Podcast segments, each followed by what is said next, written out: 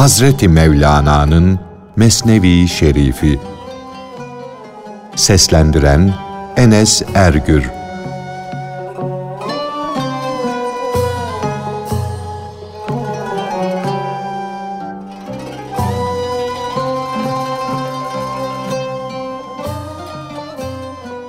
Hırs ve tamaları yüzünden fil yavrusunu yiyenlerin ve yemeyin diye öğüt verenin öğüdünü dinlemeyenlerin hikayesi.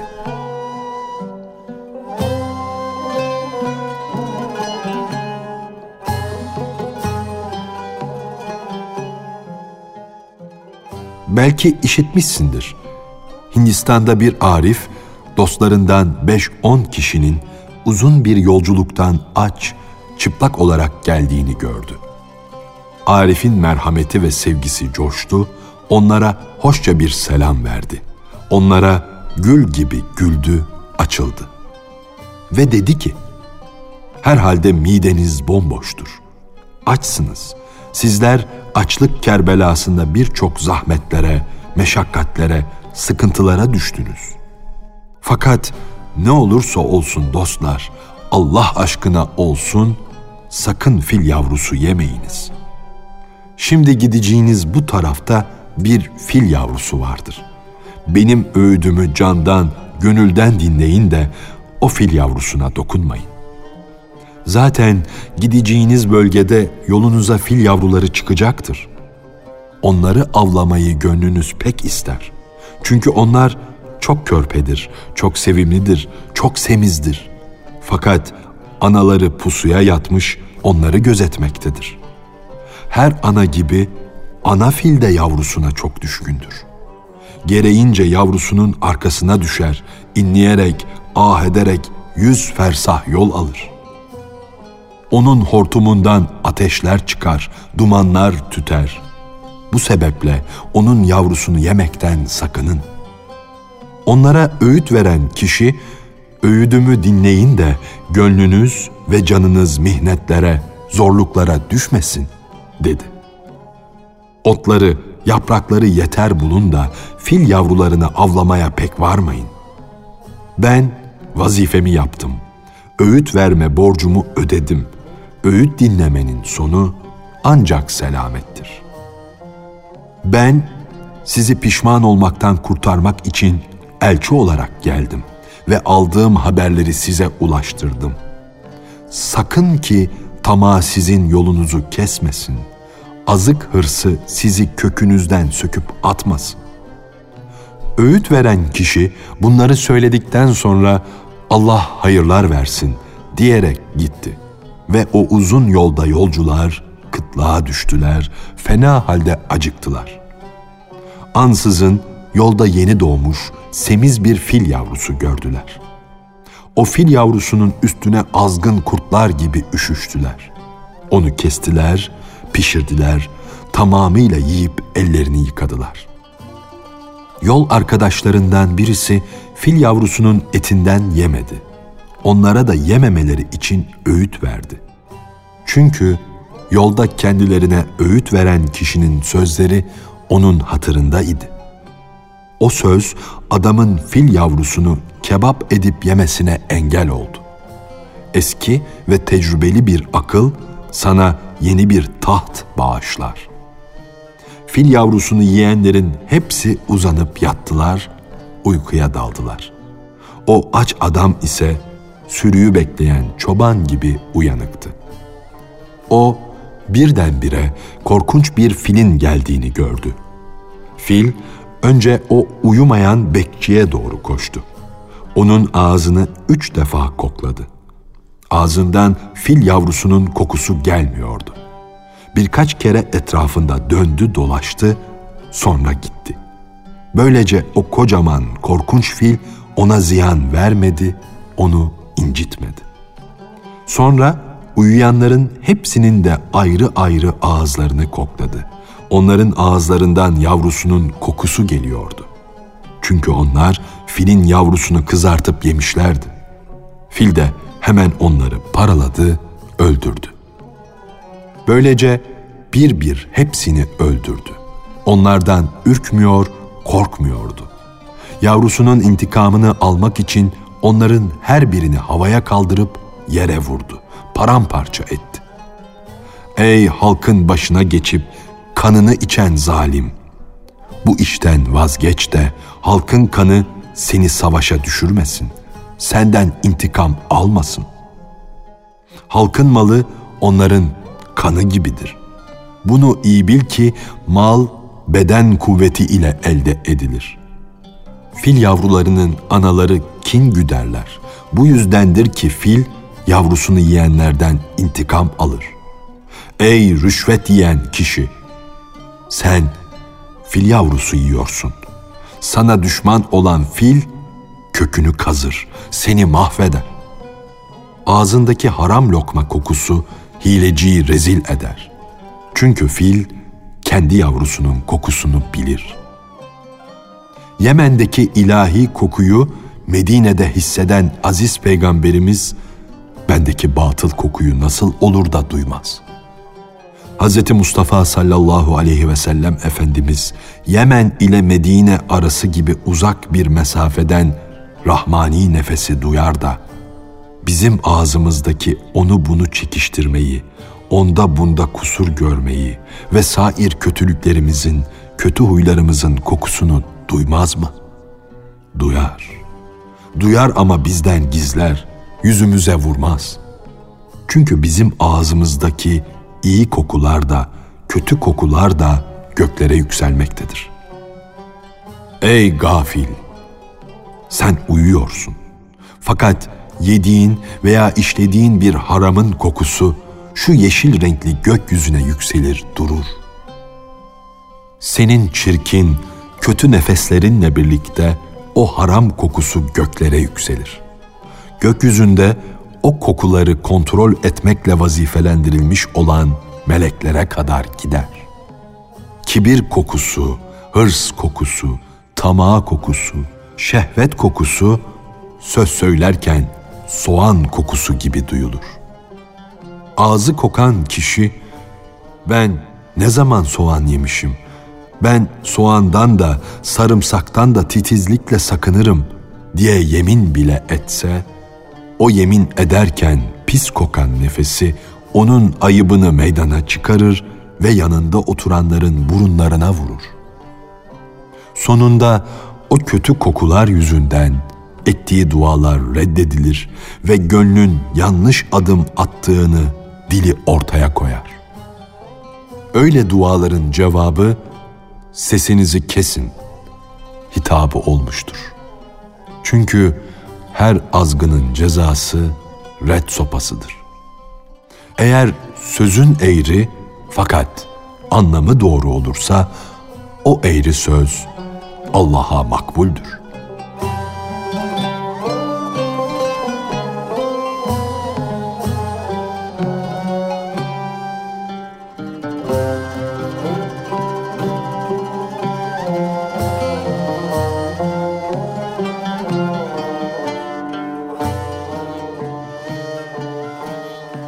Velilerin noksan yönlerini bulup sakın onları hor görmeyin.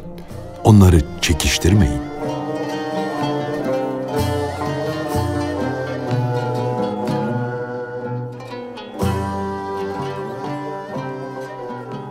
Yavrum, veliler hakkın çocukları gibidir. Görünsünler, görünmesinler, burada olsunlar, olmasınlar, hakkın onlardan haberi vardır. Sakın onların hatalarını, noksanlarını bulup onları çekiştirmeyesiniz. Allah onların tertemiz canı için sizden intikam alır. Cenab-ı Hak, veliler benim çocuklarım gibidir. Gariptirler. İş ve güçten ayrılmışlardır. Bu yüzden benim terbiyeme, benim yetiştirmeme muhtaçtırlar diye buyurmuştur.'' Onlar imtihandadırlar. Denenmek için hor olmuşlardır. Yetim kalmışlardır. Fakat iç yüzlerinde onlar benim dostumdur, nedimimdir. Hepsi de benim tarafımdan korunmaktadırlar. Çünkü hepsi de benim korumama arka vermişlerdir. Sanki onlar benim cüzlerimdir.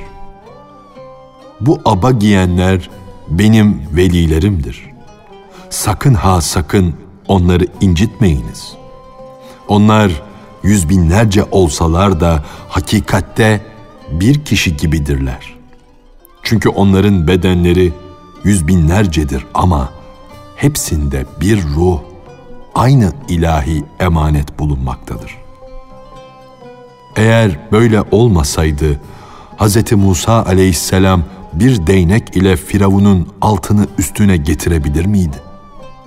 Eğer böyle olmasaydı Nuh aleyhisselam bir beddua ile doğuyu batıyı nasıl olurdu da sulara boğabilirdi? Eğer böyle olmasaydı ihsan ve kerem sahibi Lut peygamber bir duası ile onların bütün şehirlerini muratlarına erdirmeden yerlere batırabilir miydi? Onların cennet gibi olan şehirleri Karasu Diclesi oldu. Git de durumu gör. Bahsedilen bu Karasu Şam civarındadır. Kudüs'e doğru gidersen yolda görürsün.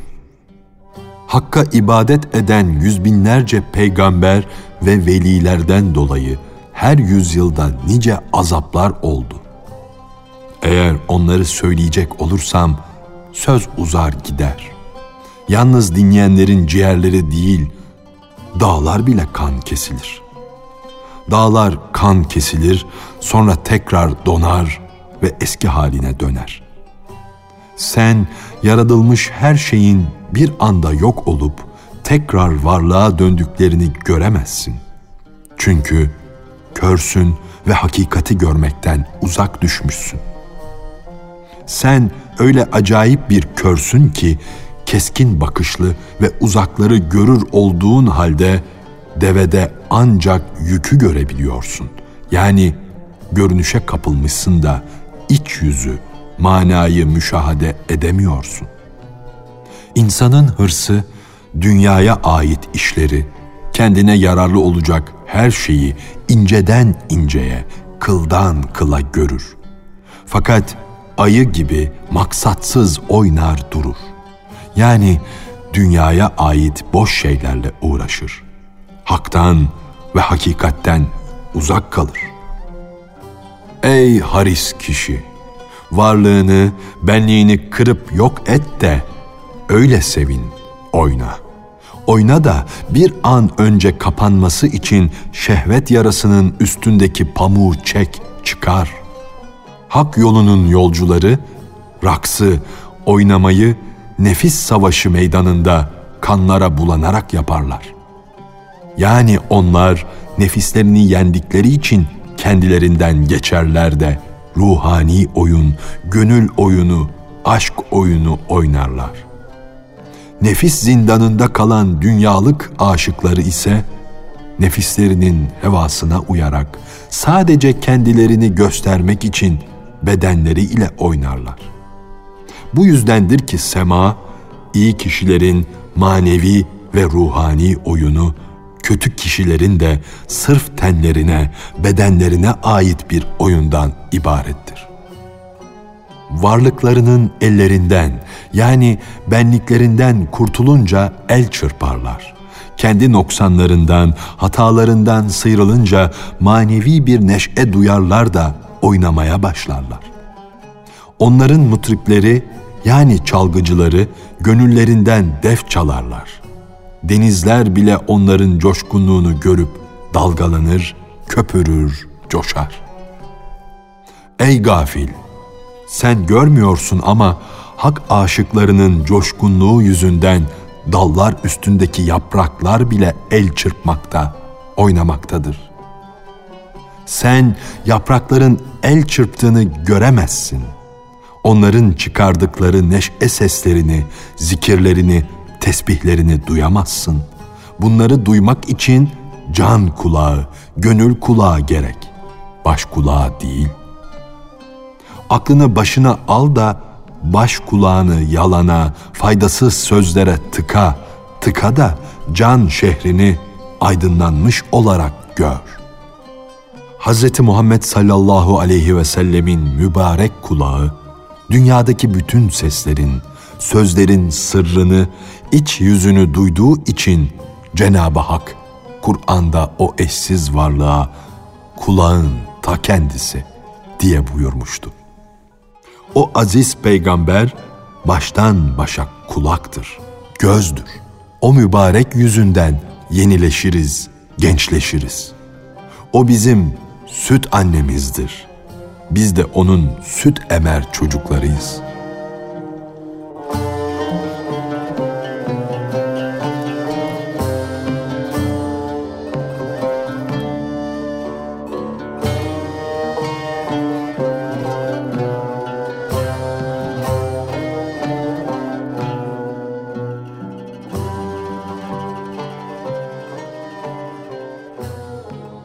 Her an canından bir miktar yokluğa gitmekte ve ömrün tükenmektedir.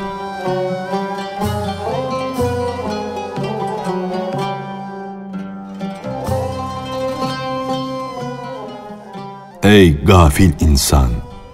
Fil yavrusunu kebap edip yiyen kişiler gibi sen de Allah'ın kullarının etlerini yiyor, yani onları çekiştiriyorsun.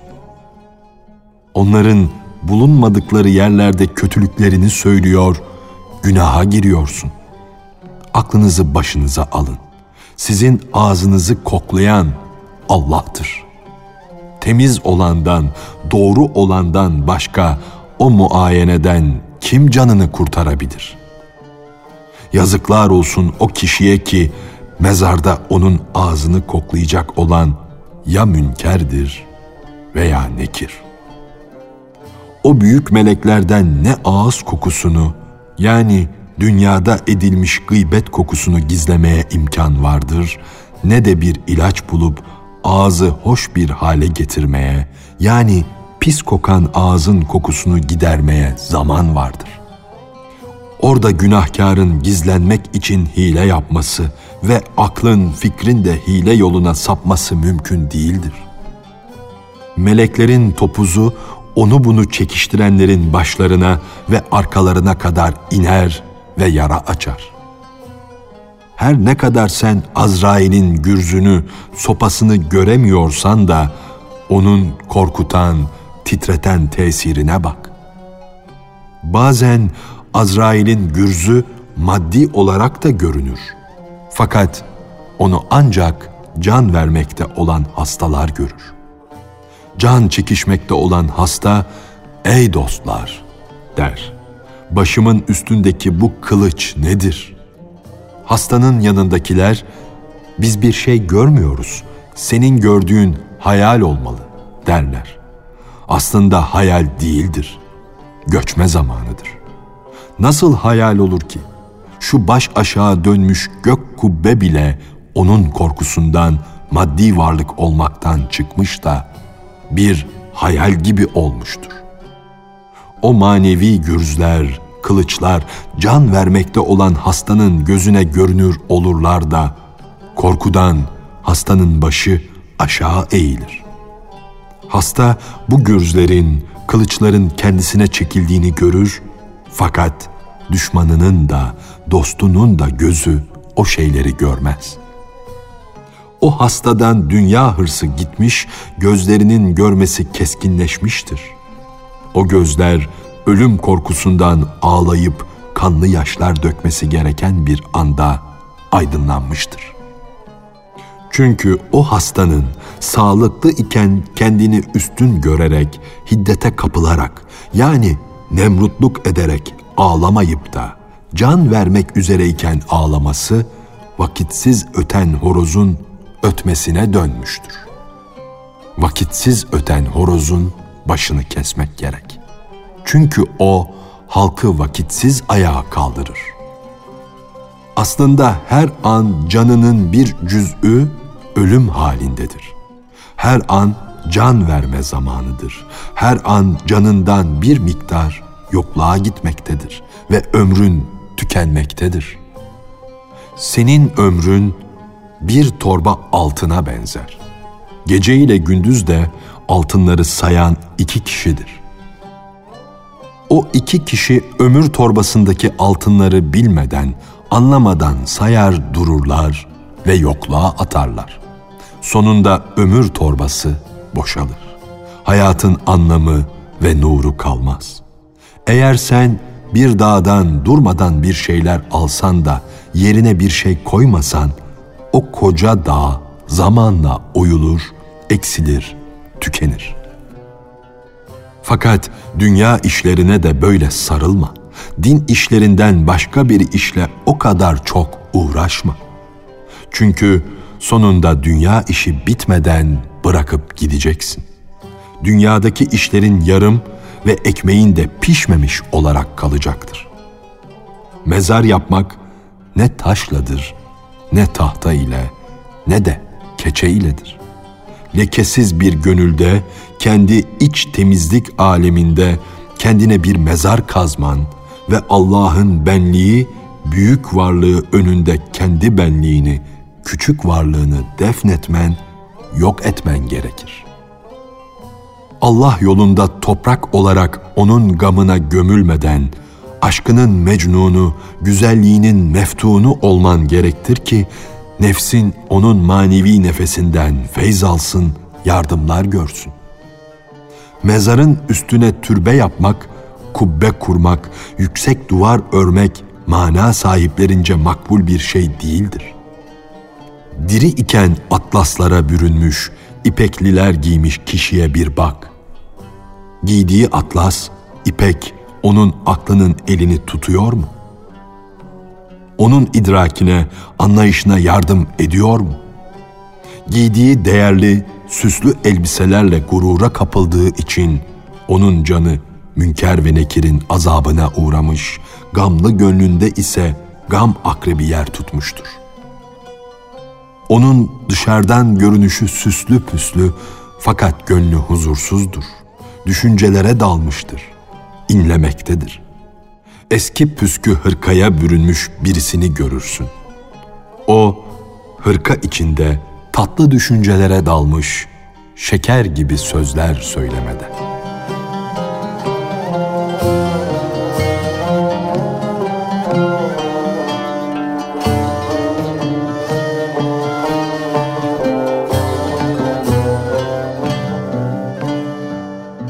Hazreti Mevlana'nın Mesnevi Şerifi. Seslendiren Enes Ergür